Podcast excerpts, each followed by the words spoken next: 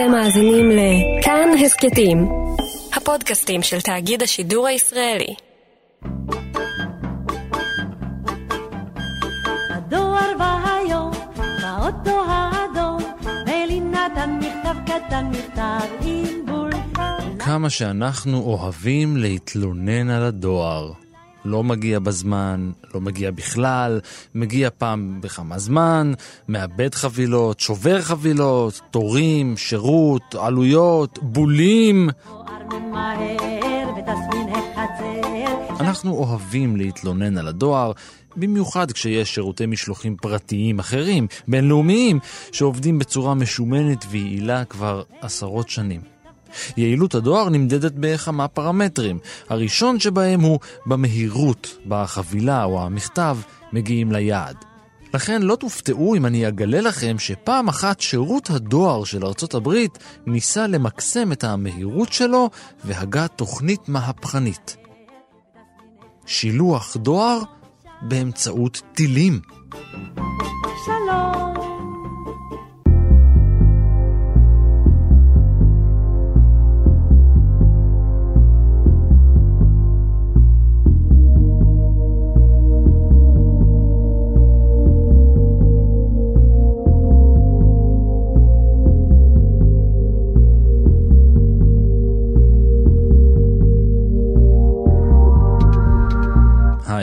אני ערן מנהר ואתם על מנהר הזמן. מדי פרק אנחנו מספרים לכם על מקרה שקרה בעבר מזווית שכנראה עוד לא הכרתם. הפעם אנחנו מלקקים את המעטפות, מדביקים את הבולים ושולחים את עצמנו בדואר רשום אל ההיסטוריה של הדואר.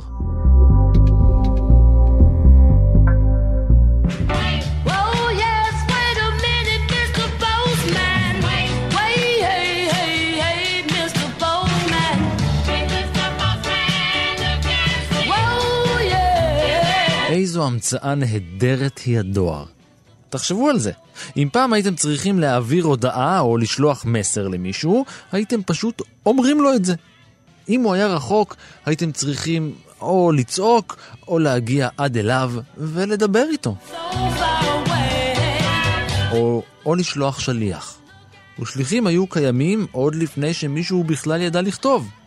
אותו שליח היה צריך לזכור את כל מה שרציתם להגיד, לרוץ אל הנמען ולספר לו את הכל. זו אחריות גדולה.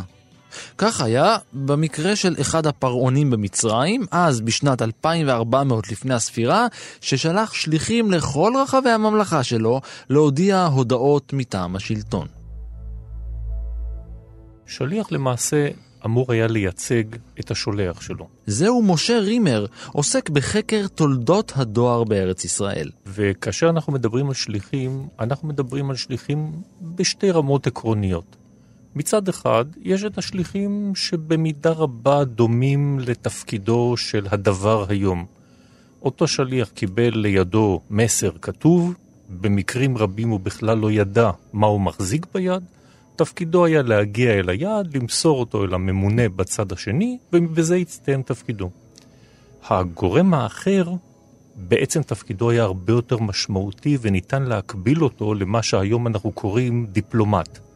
הוא אמור היה לייצג את מי ששלח אותו. במקרים רבים אנחנו מוצאים בתוך הכיתוב של המכתב עצמו, השולח כותב, אני שולח לך את א', ב', ג', אני סומך עליו, אתה יכול לשאול אותו שאלות, אני סיפרתי לו את כל הדברים העמוקים ביותר על האירועים שאני רוצה שהוא יעביר אליך, והנה יש לך הזדמנות לתחקר אותו ולשמוע ותאמין לו כמו שאתה מאמין לי.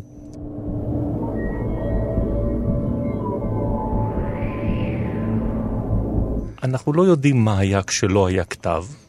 אנחנו שומעים על זה בצורה מקרית פה ושם, למשל בסיפור שמופיע בתנ"ך, על מינוי של שליח שילך ויספר לדוד שבנו אבשלום נהרג.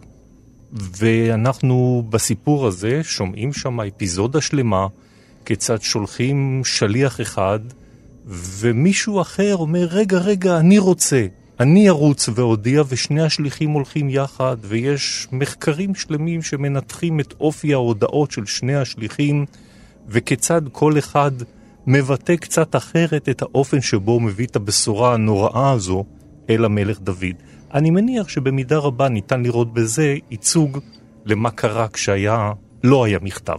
ואז אנשים התחילו לכתוב. וכתב היה המצאה נהדרת, במיוחד אם אתם לא ממש סומכים על השליח שלכם שיעביר את המסר שלכם במדויק.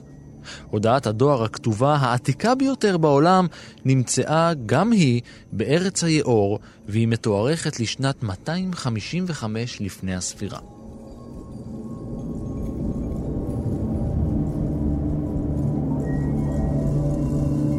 מכירים את הביטוי "אל תהרוג את השליח"? אני לא יודע מתי הביטוי הזה נולד, אני מניח שכמו כל אחד ששומע בשורה רעה ומחפש למי הוא יכול לפגוע במצב הקרוב ביותר, ברור שהמסכן שעומד כרגע מולו של מקבל הבשורה הרעה הוא השליח. ואנחנו בנושא הזה גם כן יכולים לפנות אל התנ"ך ולקרוא את סיפורו של ירמיהו שנשלח כנציגו של האלוהים לבוא ולבשר למלך יהודה על חורבנה הקרוב של, של הממלכה, והשרים רוצים להרוג את ירמיהו, וירמיהו אומר, רגע, רגע, אני רק השליח, מה אתם רוצים ממני? ואנחנו מצד שני פוגשים את דוד המלך, שמספר באופן מפורש, בשלב מסוים, שבו הוא אומר על אותו שליח שהגיע ובישר לו על מותו של שאול המלך, ודוד המלך הורג אותו. נכון שדוד מתרץ את זה בכך שהאיש בישר לו את זה כמעין בשורה טובה, דבר שדוד לא היה מרוצה ממנו במיוחד, בלשון המעטה, אבל הנה גם כאן הרגו את השליח והפעם פשוטו כמשמעו. כיוון שכבר היו מספיק אנשים שיודעים לכתוב, מספיק אנשים שיודעים לקרוא, ומספיק אנשים שחיפשו עבודה ומצאו אותה בתור שליחים, בתרבויות העתיקות החלו להיווצר מערכות די פשוטות להעברת מסרים. אם תרצו, מערכות דואר ראשונות.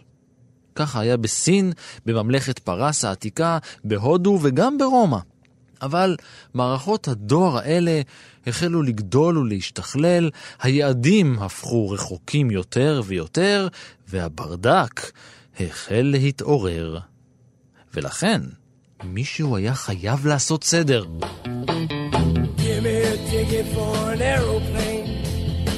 Ain't got time to take a fast train.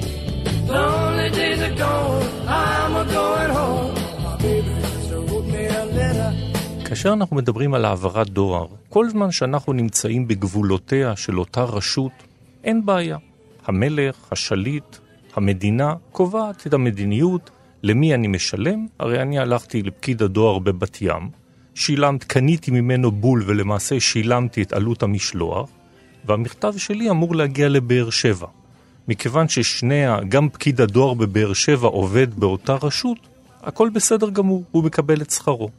אבל אם שלחתי מכתב ליוון, מי ישלם לפקיד ביוון? הרי אני שילמתי בישראל. כאשר התחילו להתפתח שירותי דואר בינלאומיים חוצי גבולות, הבעיה הייתה מה קורה בגבול. השיטה הראשונה אמרה דבר פשוט, אני משלם עד לגבול, בגבול פקיד הדואר א' מתחשבן עם פקיד הדואר ב', פקיד הדואר ב' כותב על המכתב את עלות יתרת הדרך בתוך מדינה ב', ואותה כבר יגבו מן המקבל. המקבל ישלם את החלק שלו. סידור כזה למשל עבד בין האימפריה הטורקית, האימפריה העות'מאנית, לבין יוון. ויש הרבה מאוד מכתבים כאלה שמוצאים שני בולים זה בצד זה, האחד בול עד הגבול והשני בתור יוון, שאותו שילם המקבל. בשלב מאוחר יותר התחילו להתפתח אמנות בין מדינות שכנות. כלומר, מדינה א' גבתה את הכסף, ישראל גבתה את הכסף, והפקיד בדואר, בגבול עם ירדן לצורך העניין, ישבו ועשו חשבון כמה מכתבים אני מעביר לך, ופקיד הדואר הישראלי שילם לפקיד הדואר הירדני. זה עבד בגבול בין שווייץ לגרמניה, ועוד כמה וכמה הסכמים כאלה שאנחנו מכירים. בשנת 1863 הגה מנהל הדואר האמריקאי רעיון של רגע, במקום שכל זוג מדינות ישבו ויחתמו אמנות בילטרליות ביניהן, בואו נעשה הסכם כולל. הייתה ועידה בפריז, זה לא כל כך הצליח, אבל כ-11 שנים לאחר מכן, ב-1874, ביוזמת אחד מפקידי הדואר הבכירים בגרמניה, נוצרה ועידה נוספת בבאזל, ושם הוקם האיגוד הדואר העולמי, שבאמת קובע את הכללים ובעיקר את ההתחשבנות ההדדית בין מנהלות הדואר השונות בעולם. בשנת 1874 קם איגוד הדואר הבינלאומי וקבע את הכללים לשילוח דואר בינלאומי. כיום אגב, חברות בו כמעט 200 מדינות. עכשיו, דמיינו את השליח האומלל שנאלץ למסור הודעה בכתב שצריך לשמור על ההודעה שלא תימחק בטעות, או תתבלה, או תיקרע, או תישבר, תלוי בחומר שהיא הייתה עשויה ממנו, ולפעמים, ואולי אפילו ברוב המקרים, אסור היה לו לקרוא אותה. אולי אפילו היה עדיף שלא יקרא אותה, אם החיים שלו היו חשובים לו. אז כל הודעה נעטפה במשהו. בהתחלה היו אלה עלים או קליפות עץ. במסופוטמיה של 3200 לפני הספירה עטפו את המכתבים ביריעות חומר. אחר כך היו אלה אורות בעלי חיים, ואז פיסות של בד. השליחים במזרח הקדום שסחבו איתם את אותם מכתבים עשויים חרס, היה להם שקית אור מיוחד תלויה על הצוואר, ובתוכה היה מוחזק המכתב עשוי חומר. ואנחנו יודעים את זה. כאשר רצית לשמור על הסודיות, עטפת את המכתב המקורי במעטפת נוספת של חרס, נתת לו להתייבש, ובכך בעצם גרמת לכך שאף אחד לא יוכל לקרוא בלי לשבור את המעטפה החיצונית. הקונספט של מעטפה הוא מאוד מוכר, לא צריך להמציא אותו, אבל השיטה גרמה לכך שאף אחד לא ישתמש במעטפות, כיוון שתעריפי הדואר נקבעו לפי מספר הדפים. אם שלחתי דף אחד, שילמתי עלות מסוימת. אם שלחתי מכתב שהיו בו שני עמודים, שני דפים, שילמתי מחיר כפול. ולכן רק אידיוט ישים את הדף הטוב בתוך מעטפה שהיא מיותרת לחלוטין, וסתם ישלם כפל מחיר. יש לנו עדות מספר ללימוד, ספר צרפתי ללימוד נימוסים והליכות, שבו כתוב במפורש, אם אתה שולח מכתב לאדם נכבד, שים אותו במעטפה, זה נראה יפה. אבל אף אחד לא עשה עם זה שום דבר, זה מכתב, זה ספר מהמאה ה-18. רק כאשר ב-1840, כחלק מהרפורמה הכוללת בדואר, שינו את שיטת התמחור, ולמעשה עברו לשיטה של מדידה לפי משקל, ולא על פי מספר עמודים, בעצם נולדה המעטפה, כי זה היה הרבה יותר הגיוני לשים שלא יתלכלך וכך הלאה. אגב, העובדה שספרו לי את הדואר לפי מספר עמודים גרם לכך שאנחנו מכירים במאה ה-18 ותחילת המאה ה-19 התפתחה תרבות שלמה של כתיבת שתי וערב. אנשים היו כותבים את המכתב מלמעלה למטה, הופכים אותו ב-90 מעלות וכותבים שוב כדי לנצל. קשה מאוד לקרוא, אני ניסיתי לקרוא מכתבים כאלו מאוד קשה, אבל מסתבר שלאנשים אז היה מקובל וידעו לקרוא את הדברים המוזרים האלה. ואנחנו מוצאים עדויות בספרות שאנשים אומרים, אל תעשו את זה, זה לא יפה, זה קשה לקרוא וכך הלאה, ועדיין אנשים היו חסכנים. מזל שבאו הסינים והמציאו את הנייר, כי זה בדיוק החומר שהם היו צריכים כדי לייצר מעטפות במאה השנייה לפני הספירה.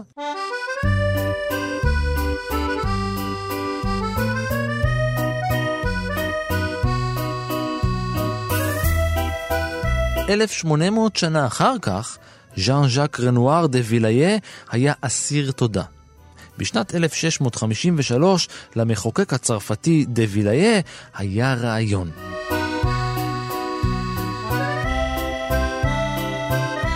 הוא מכר מעטפות מיוחדות ומסומנות כדי שאנשים יוכלו להשתמש בהן לצורך שליחת מכתבים. את המכתבים במעטפות המיוחדות, השולחים הפקידו בתיבות מיוחדות שהוא פיזר ברחבי פריז. הוא הבטיח למסור את המכתבים לנמענים עוד באותו היום. בכל זאת, אנשים כבר שילמו על זה. כך נולד הרעיון שהוליד את בול הדואר. כן, במה אני יכול לעזור לאדוני? רציתי, רציתי לדעת כמה הוא עולה. מי? הבול לקפריסין. קפריסין! קפריסין! קפריסין! קפריסין! קפריסין! קפריסין! קפריסין! קפריסין! קפריסין! בול הוא בעצם קבלה. אנחנו משלמים על הבול ומדביקים את הקבלה על המעטפה כהוכחה לתשלום וכדי שימסרו את המכתב שלנו. משהו, משהו! כל הפרודוקציה, איך שמההתחלה עד הסוף זה משהו, משהו! כן. במה אני יכול לעזור לאדוני? המיזם של דה ויליה לא שרד הרבה. אחד מתושבי פריז החליט להשתעשע על חשבונו והכניס לתיבות הדואר שלו עכברים חיים. הלקוחות המבוהלים הפסיקו להשתמש בשירות המהפכני.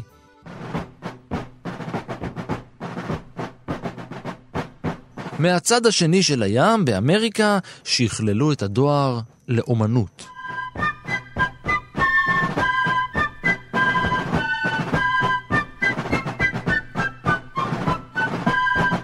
עוד לפני ימיה הראשונים של ארצות הברית של אמריקה, ב-1775 היה שירות משלוח ההודעות של המורדים בכתר הבריטי אחד האלמנטים החשובים והמשמעותיים ששמרו על רוח העצמאות.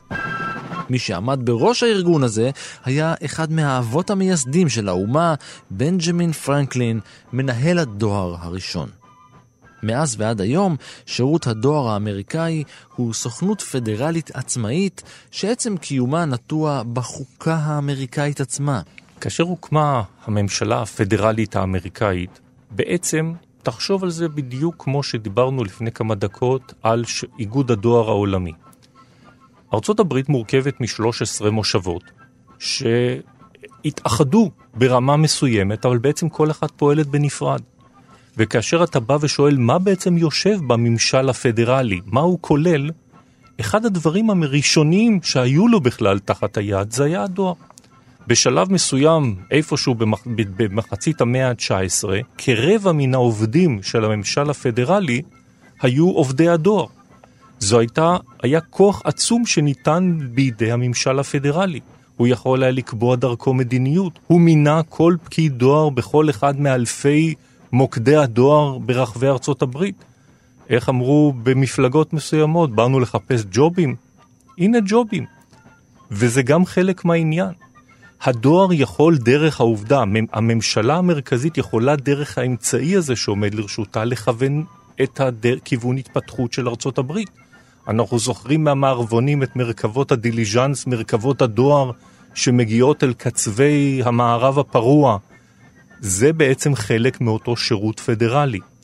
והשירות הזה, שהיה עצום בגודלו, גלגל תקציבי ענק, מדובר במאות אלפי עובדים שנכללו בדבר הזה, אף אחד לא היה מוכן לוותר עליו. אגב, בשנים האחרונות המצב קצת משתנה, הדואר, מעמדו של הדואר מעט ירד, ולכן אנחנו רואים מצב שהוא כבר לא שר בקבינט כמו שהוא היה במאה ה-19, אלא הוא כבר לאט לאט גולש לכיוון של מעין סוכנות חצי עצמאית, חלק פחות עם קשר הדוק אל הממשל הפדרלי. אמנת השירות שמלווה את הדואר האמריקאי היא אחת המעודדות, המאתגרות ומלאות ההשראה שיש.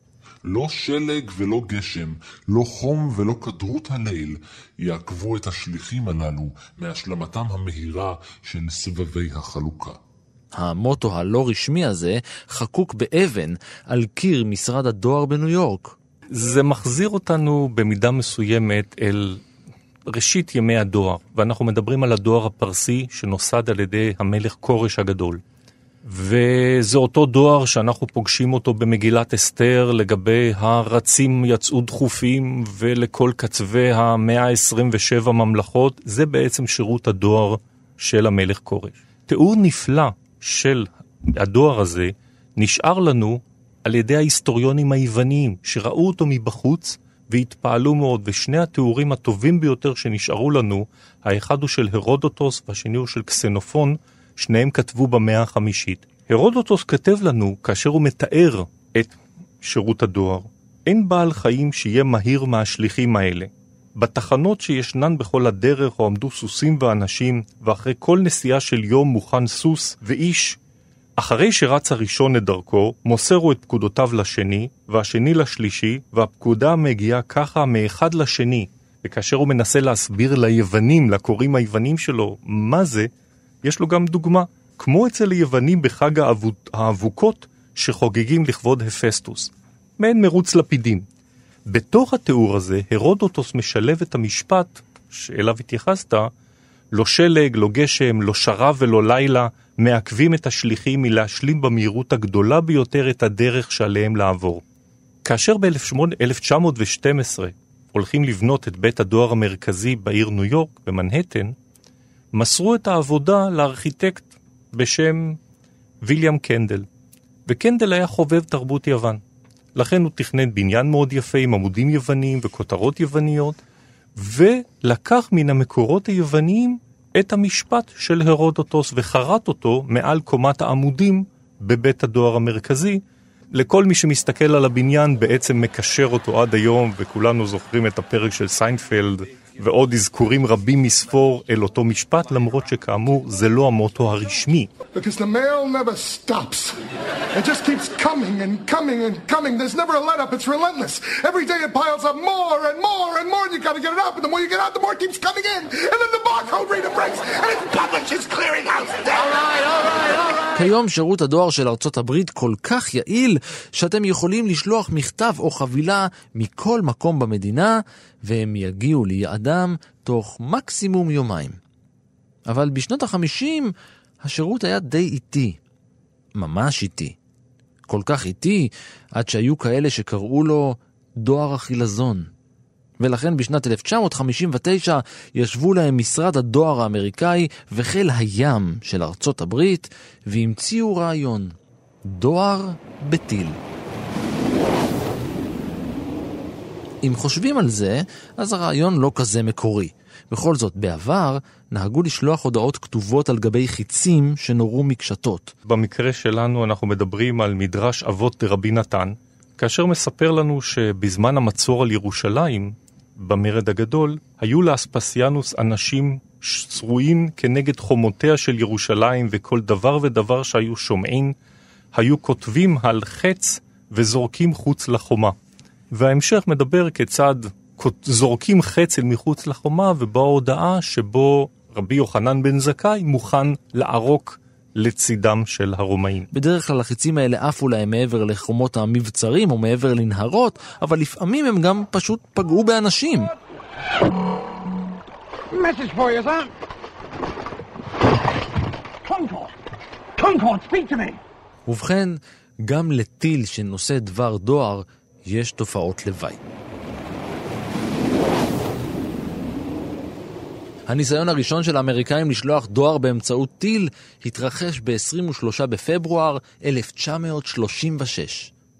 ערימה של מכתבים הייתה צריכה להגיע אל ניו ג'רזי מניו יורק, והאגם שביניהן היה קפוא. מדובר במרחק של כעשרה קילומטר, רבע שעה נסיעה היום. המכתבים הועמסו על טיל שפשוט התרסק אחרי כמה מאות מטרים, והכל נאסף על ידי אנשי הדואר של ניו ג'רזי. בעצם כשאנחנו מודדים את המהירות של הטיפול בדואר, המהירות הזו מורכבת משני חלקים.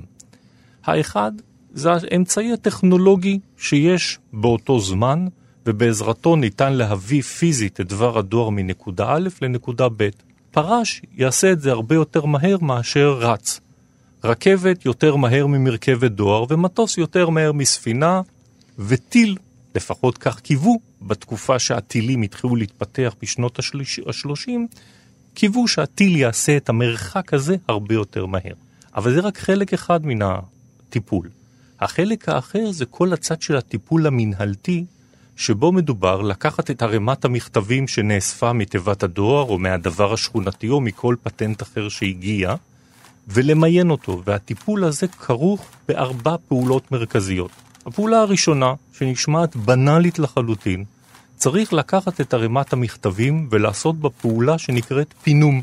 כלומר, להפוך כל דבר דואר עם הכתובת כלפי מעלה ישר מול העיניים של מי שקורא.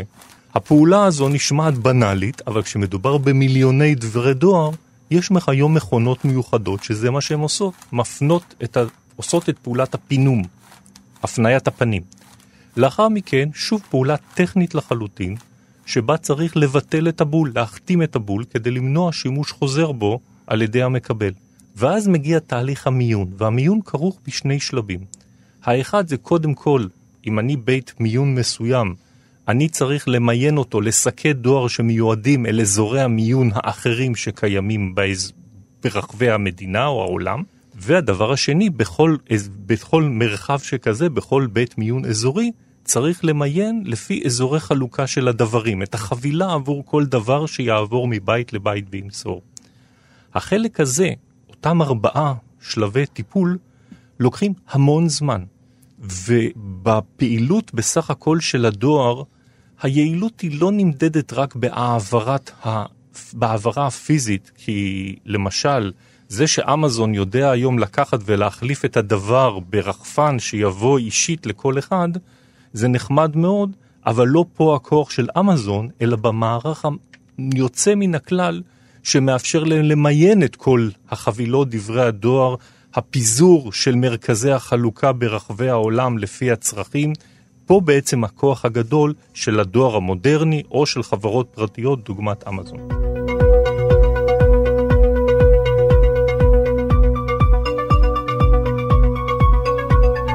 בשנות החמישים המלחמה הקרה עם ברית המועצות הייתה כבר בעיצומה, ולקראת סוף העשור העניינים התחילו קצת להתחמם. כחלק מהלוחמה הפסיכולוגית שניהל, הצבא האמריקאי ניסה הרבה מאוד תרגילי יחצנות על מנת לאותת לרוסים שלא כדאי להם להתעסק עם אמריקה. המרוץ לחלל החל להיוולד, מרוץ החימוש, מרוץ לפיתוח כלי נשק וטילים, ובדיוק בשלב הזה נכנסו לתמונה האנשים של הדואר. ובצירוף מקרים נדיר של ההיסטוריה, הרעיונות של הדואר התאימו פרפקט לתוכניות של הצבא.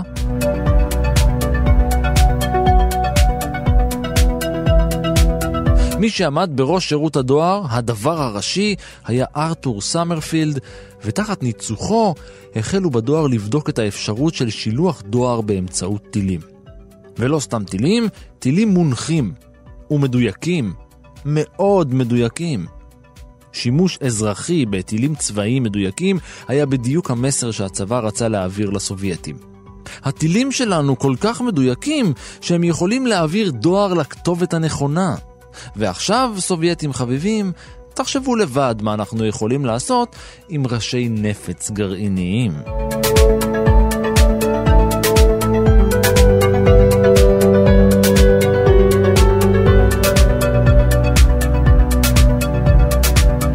הטיל שנבחר לביצוע משימת המשלוח היה טיל שיוט מסוג רגולוס איי, טיל עם ראש נפץ גרעיני שהוחלף בשני תאי דואר. ובתוך התאים האלה היה רק מכתב אחד. מכתב אחד ששוכפל שלושת אלפים פעם, ובו מסר מסמרפילד. לאחר הטענת המשלוח על הטיל יצא סמרפילד בעצמו ליד כדי לחכות למשלוח. אז כמה מכתבים או פריטי דואר לוקח דבר ממוצע? אם מדובר עכשיו בהוצאה של מגזינים, אז הוא ייקח פחות, כי הם כבדים מאוד, ואם מדובר בגלויות לראש השנה, אז נכנסות הרבה מאוד. אפרופו גלויות לראש השנה, זה אחת הדוגמאות המצוינות לאיך מטפלים בזמני עומס גדולים מאוד. היום זה פחות מקובל פה בישראל, אבל בוודאי בתקופות השיא, כאשר גלויות, או כאשר גלויות ברכה או שנות טובות, כמו שנהגנו לקרוא להן, היד מנהג נפוץ, מדובר היה בכמויות אדירות של מכתבים שהיו צריכים להישלח. עד כדי כך שבתקופת החגים בדואר ישראל נקלעו לבעיה, ואגב, דברים דומים אנחנו פוגשים גם במדינות אחרות. יש בדיחה של ג'וני קרסון, שהוא מספר באחת התוכניות, הוא ממליץ, אה, תשלחו את החבילות שלכם לחג המולד מוקדם, כדי שהדואר יספיק לאבד אותם בזמן.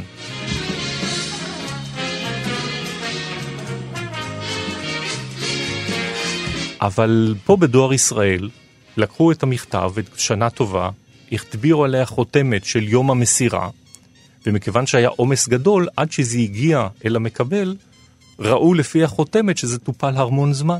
אז בתקופות החגים, סביב חודש ספטמבר-אוקטובר לכל שנה, בתקופה המתאימה, הדואר החליף את חותמות הביטול בחותמות ללא תאריך כדי שאי אפשר יהיה לעקוב על הדבר הזה.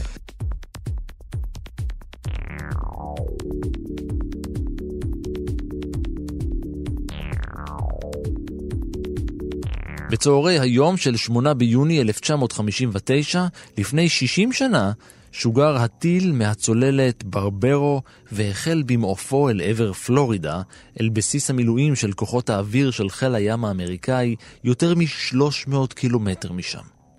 זה לקח לו 22 דקות, וכשנחת לבסוף, זה היה סאמרפילד שאסף את הדואר והעביר אותו אל הסניף בג'קסונוויל, שם מוינו המכתבים כמו כל שאר המכתבים במקום.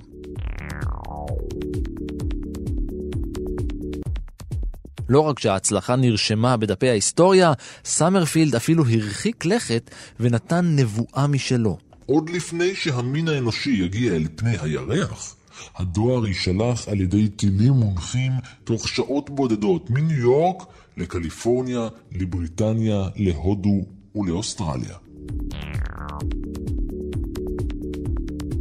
לאוסטרליה זה באמת מקום רחוק, שכמעט לא הייתה חלופה לספינה עד לשלב המטוסים הטרנס-אטלנטיים, ולכן כמה שלוקחת הפלגה, זה מה שלוקח. תלוי גם בסוג האונייה שיש לך.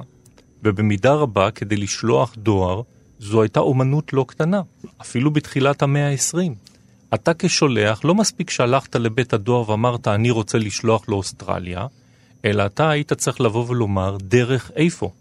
האם אתה רוצה שזה ילך דרך נתיב כזה או נתיב אחר? לכל נתיב היה מחיר.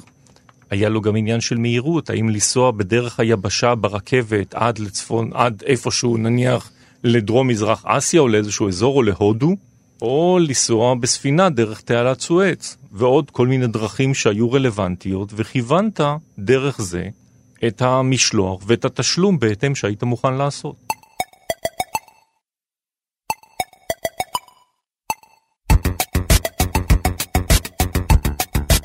ראש השנה ביפן הוא חג, החג המרכזי של השנה. ושם הנוהג הוא ששולחים איגרת ברכה לראש השנה.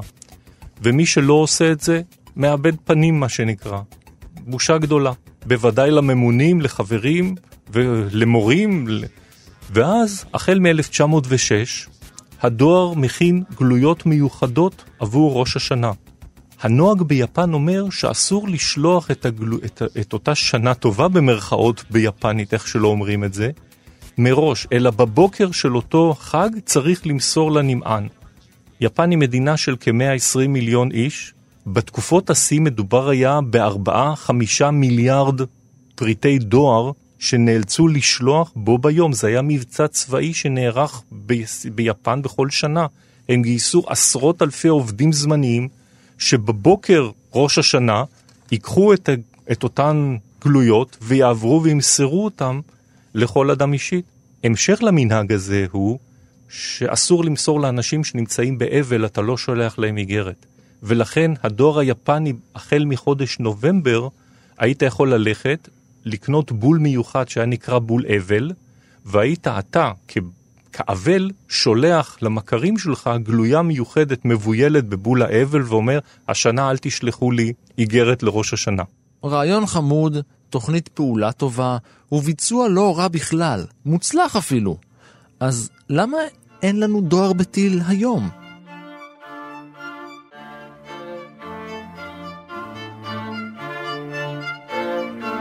ובכן, קודם כל, כי המלחמה הקרה נגמרה. המרוץ לחלל הסתיים, והצבא האמריקאי כבר לא היה צריך להוכיח כלום לאף אחד. המאמץ היה גדול מדי, ההשקעה הייתה עצומה.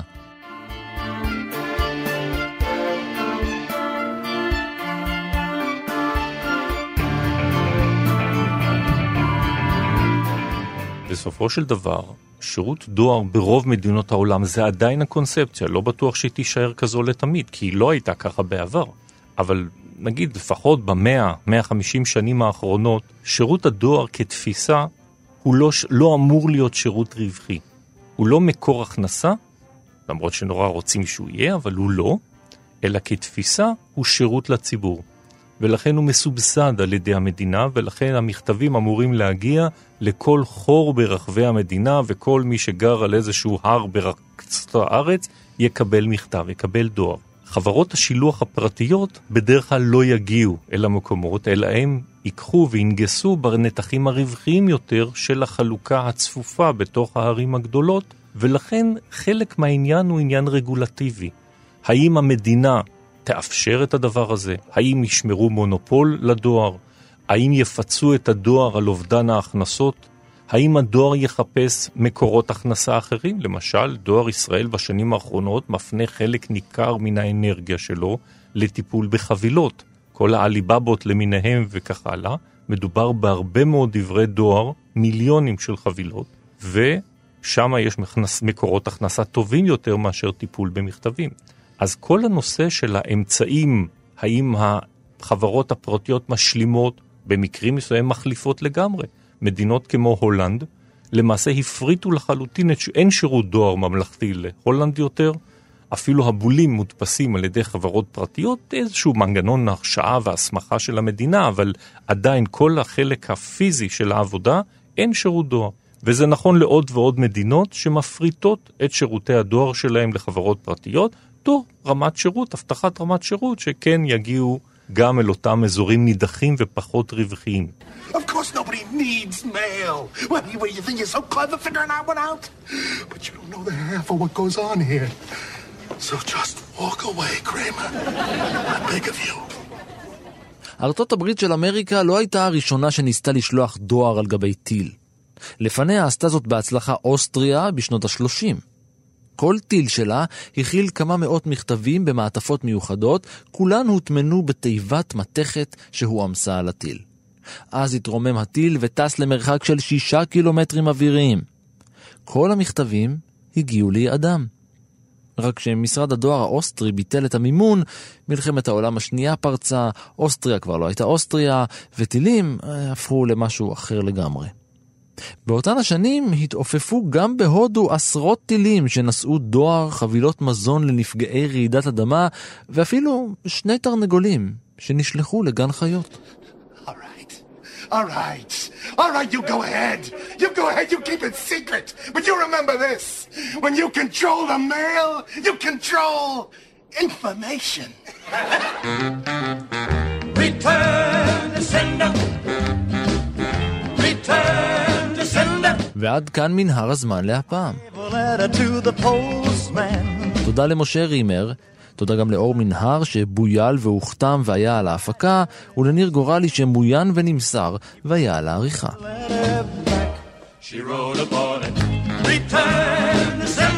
עוד סיפורים מההיסטוריה, עוד פרקים של מנהר הזמן, הכל מחכה לכם באפליקציה של כאן, בכל יישומון הסכתים וגם בספוטיפיי. No. אתם מוזמנים להמשיך ולעקוב אחריי ברשתות החברתיות, להגיב, להציע רעיונות, ובעיקר להתחבר. אני רן מנהר, נשוב וניפגש בפרק הבא. So then I dropped it in the mailbox as in a special deed. Bright and early next morning, it came right back to me.